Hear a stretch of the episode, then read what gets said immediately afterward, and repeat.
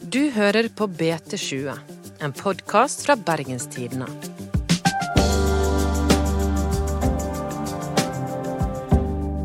Det omtales som den største rettsskandalen i nyere tid. Myndighetene prøver nå iherdig å finne ut hva som skjedde når rettsstaten Norge dømte titalls mennesker til fengsel for noe som viste seg å ikke være ulovlig. Hvordan kunne dette skje? Mitt navn er Anna Magnus.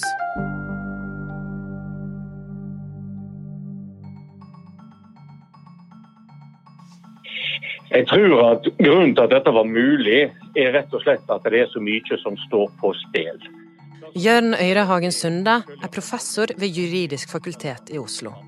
Det ble iallfall kjent når ESA stilte spørsmål til den norske regjeringa i 2015 om dette temaet. Og det ble iallfall kjent når Trygderetten underkjente Nav sin praksis for første gang i 2017.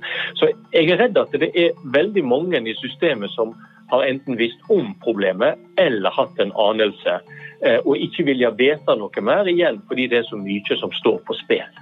Han mener deler av maktapparatet må ha hatt en anelse at man har praktisert feil lovverk når man har tiltalt folk for trygdesvindel. Nå er det jo sånn at ingen trygdeforordning i EU vinner noen klarspråkpris. Eirin Eikefjord er jurist og kommentator i Bergens Tidende. Sånn som jeg leser det, så er det veldig tydelig, og det sier spesifikt flere steder at man fritt skal kunne ta med seg ulike trygdeytelser ut av landet, altså innenfor EØS-området. Så at dette ikke ble fanga opp, og at dette ble misforstått, er jo en gåte. Og man snakker om at dette starta i 2012, da det ble eh, et nytt sånt trygdedirektiv som ble sendt ut. Men det nye trygdedirektivet bygger på det gamle, som er fra 1971, bare det at det er litt klarere og litt mer lettfattelig. Så det at man ikke da våkna og tenkte oi, la oss sjekke om dette er i tråd med norsk rett, det er virkelig merkelig. Nav innrømmer at mennesker har blitt ulovlig dømt for trygdesvindel. Vi har snakket med en av de som pga. stigma rundt saken ønsker å være anonym. I en kjellerleilighet i Bergen lever en gresk statsborger som forelsket seg i en norsk kvinne, og flyttet til Bergen på 1980-tallet. Han synes Bergen var vakkert. Vakkert. Det var vakkert. Jeg likte spesielt Bergen om vinteren. Det var, det var fantastisk. Han får to barn, jobber og betaler skatt. I 2008 begynner helsen å svikte, og han begynner å motta trygd fra Nav. Ja, jeg, først jeg tok kneoperasjon, begge knærne. Automatisk etterpå tok to ryggoperasjoner. Så ryggen var kollaps. Så da fikk sånn midlertidig uføretrygd. I denne tiden min mor blitt syk. Så pendla veldig mye fram og tilbake til Hellas for å være med. Uh, uh, I hennes første eller andre Hun var i koma to ganger. Hun var en gang fire måneder og en gang tre måneder i koma. Den ene gangen ble satt i koma for at hun skal overleve. Da fikk jeg hjerteinfarkt pga. at jeg hadde veldig mye stress inni meg. Både med min mor, både med Nav, både familie. og Jeg ble separert denne tiden, og det var veldig mye stress for meg. Så jeg fikk hjerteinfarkt. Fordi han ved flere tilfeller besøker sin syke mor i Hellas, blir han dømt for grovt uaktsomt trygdebedrageri og får beskjed av Utlendingsdirektoratet, UDI, om at han står i fare for å bli utvist. Visste du at det du gjorde var galt når du reiste til Hellas? Nei. På grunn av så Hva skal jeg gjøre? Jeg har gitt beskjed til eh, Nav. Jeg har snakket med eh, saksbehandler. Men jeg, måtte bare reise. Altså, du har en mor. Altså, du gjør alt for din mor. Alle, ikke bare jeg. Absolutt alle. 'Å, mamma er syk, jeg må gå og besøke henne.' Det, det, dere gjør det òg her i Norge. Så jeg var fram og tilbake veldig. Så, så. Han sier at etter forholdene går det bra, men det har vært en psykisk påkjennelse for han. Jeg har gått veldig vondt veldig, de siste årene. Jeg har tatt knekket på meg. Jeg, føler at jeg ikke er menneske lenger. Jeg var en glad person, men situasjonen har gjort meg veldig sånn Jeg kan ikke smile lenger. Veldig vondt. Ja. Altså, Nav har tatt godt knekke på meg. Nå har jeg, inget, jeg har ikke måte til å gjøre noe. ting.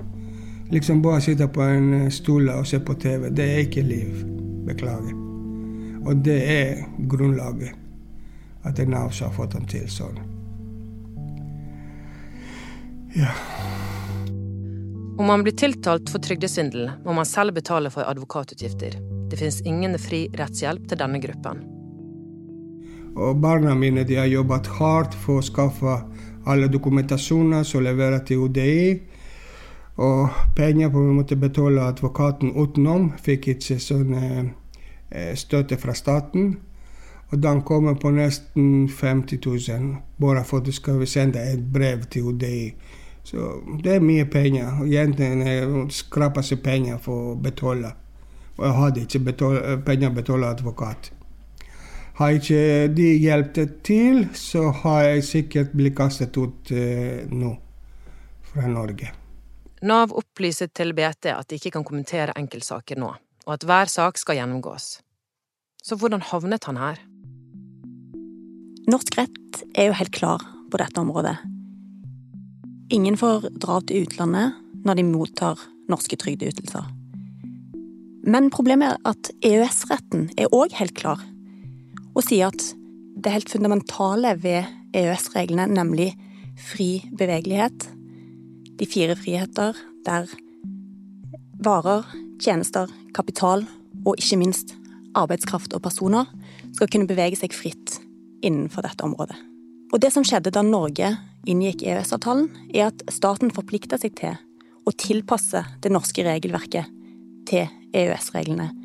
Det betyr at når det er motstrid, så går EØS-reglene foran. Og det store spørsmålet her er hvordan i all verden kunne det skje likevel? Denne saken kan gi et uttrykk for, er at det generelt i rettssystemet finnes en holdning i forhold til svakere grupper som gjør at en eh, i andre saker òg behandler deres saker mer overfladisk enn det en gjør når det er mer ressurssterke personer som kommer, kanskje med skjerpa advokathjelp osv. Så sånn kan vi ikke ha det. Vi kan ikke ha et rettssystem der partene sine ressurser avgjøre hvor grundig en går inn i sakene. Dette, slik kan en selvsagt ikke generalisere ut ifra Nav-skandalen, men en må iallfall stille spørsmålet. Og det er veldig viktig at alle deler av rettssystemet skjerper seg, slik at en ikke kan få et slikt inntrykk. Fordi, hvis vi ser at dette kan skje her, så kan det skje også på andre områder. Nettopp. Og et av de mest aktuelle områdene da, det er jo disse foreldreansvarssakene eh, og adopsjonssakene der eh, barnevernet har gått inn og eh, tatt barn fra foreldrene og senere gitt løyve til at de kan adopteres vekk. Disse sakene har det blitt stilt spørsmål ved. Det, vært, det, er mange slike saker som er oppe for Menneskerettighetsdomstolen. Jeg er ingen ekspert på de sakene, men det er et annet område der en har reist spørsmål om domstolene egentlig stoler altfor mye på staten og ikke reelt sett vurderer sakene. Og Hvis en får mange slike saksområder i samfunnet, så vil tilliten til vår rettsstat den vil minske. Og det er farlig. For vi er et tillitssamfunn i Norge. Vi har enorm tillit til våre statlige institusjoner. Og det gjør at vi er et lettdrevet land, et land som er lett å styre. Mister vi da tillitsmomentet, så er jeg redd for at Norge blir et mye vanskeligere land å drive rent politisk og juridisk. På vegne av regjeringen vil jeg be de menneskene det gjelder og deres familier om unnskyldning for det de har vært utsatt for. Jeg sier unnskyld. Jeg er veldig lei meg. Er... Vi hører her at Nav-direktør Sigrun Vågeng og arbeids- og sosialminister Anniken Hauglie beklager. Men har de ikke visst noe om dette før? Det blir jo konspiratorisk å tenke seg at mange har satt seg ned her og lagt denne planen og si vi later som vi ikke skjønte det. Men underbevisst så har det nok vært noe i dette med at den norske strategien er å utfordre handlingsrommet. Vi ønsker å hindre trygdeeksport. Eh, vi vil ikke legge oss flate for EU-regelverket uten kamp. Og at man heller tar kampen i rettssystemet hvis han kommer dit, istedenfor å endre reglene i forkant.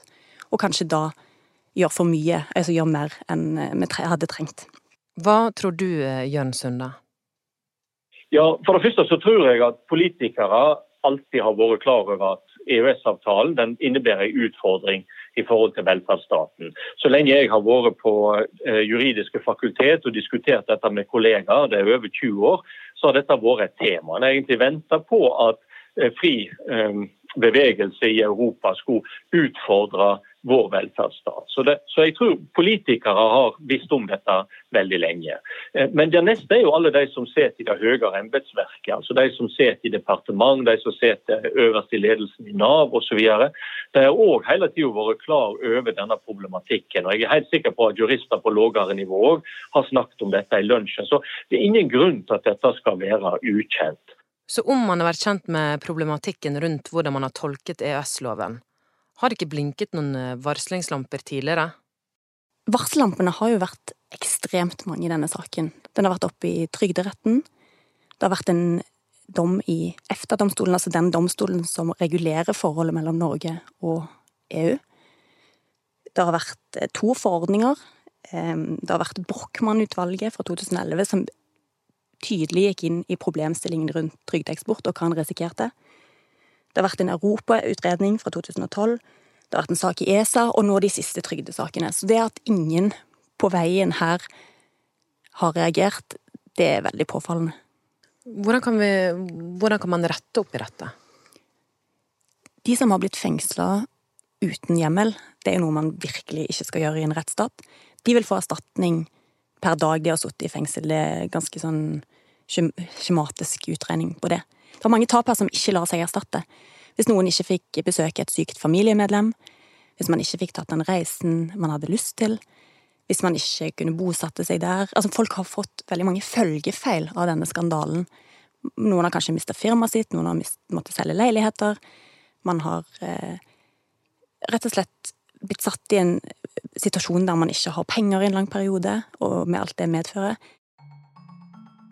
For å være ærlig, jeg eh, spiser hos uh, ungene mine og eksen dama mi. I dag faktisk skal jeg være med de igjen og spise. Hvis du ser kjøleskapet mitt er tomt.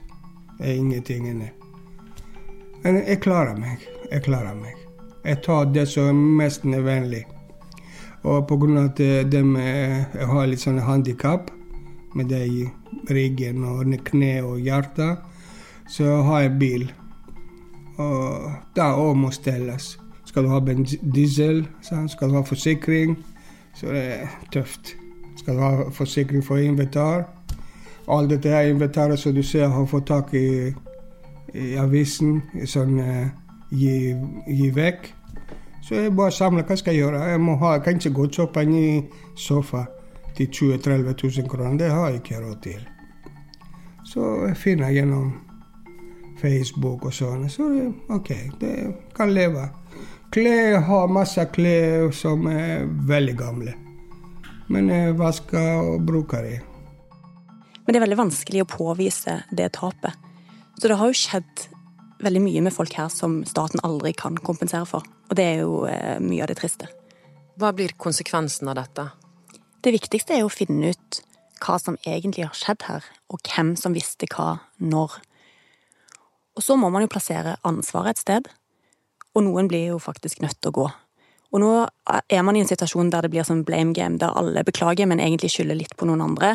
Og det at det er en så fundamental systemsvikt på så mange nivåer, gjør jo at det er vanskelig å peke ut en syndebukk. Hvem er de potensielle syndebukkene? Jeg mener at det viktigste ansvaret her ligger hos regjeringen, altså den statsråden som har styrt Arbeidsdepartementet.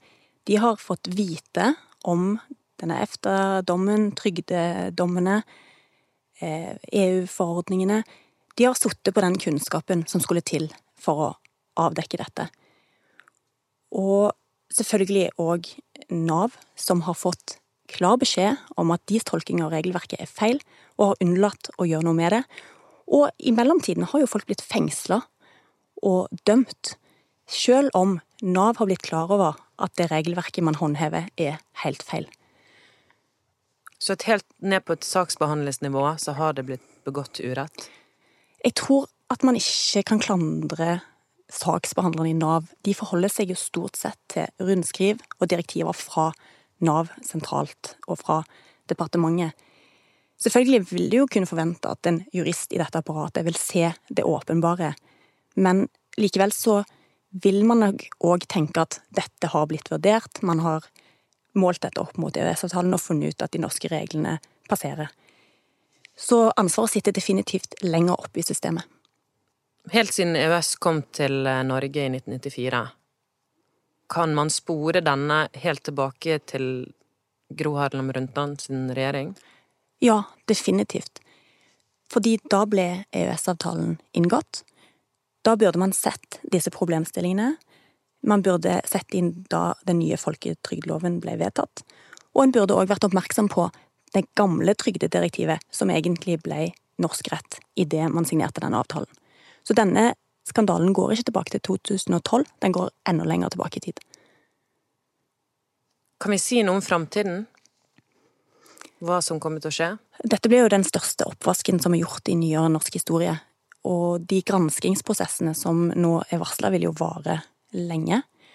Problemet er jo at dette er en så fundamental systemsvikt på så mange nivåer. Det involverer domstolene, regjeringen, departementene, direktoratene, alle de som ikke har sett dette. Problemet med sånne granskinger er jo at du får en ansvarspulverisering der alle har litt skyld. Og da blir man sittende i en sånn situasjon som skjedde etter 22. juli, der man skylder på kultur og holdning og ledelse. Og jeg håper ikke at det blir konsekvensen her òg, for noen må faktisk ta ansvar og gå på denne saken. Det var ukens episode av BT20. Vi er tilbake neste uke med ny episode. Hvis du har lyst til å høre mer lydinnhold, last ned appen vår BT Lytt. Produsent var Henrik Svanevik. Og mitt navn er Anna Magnus.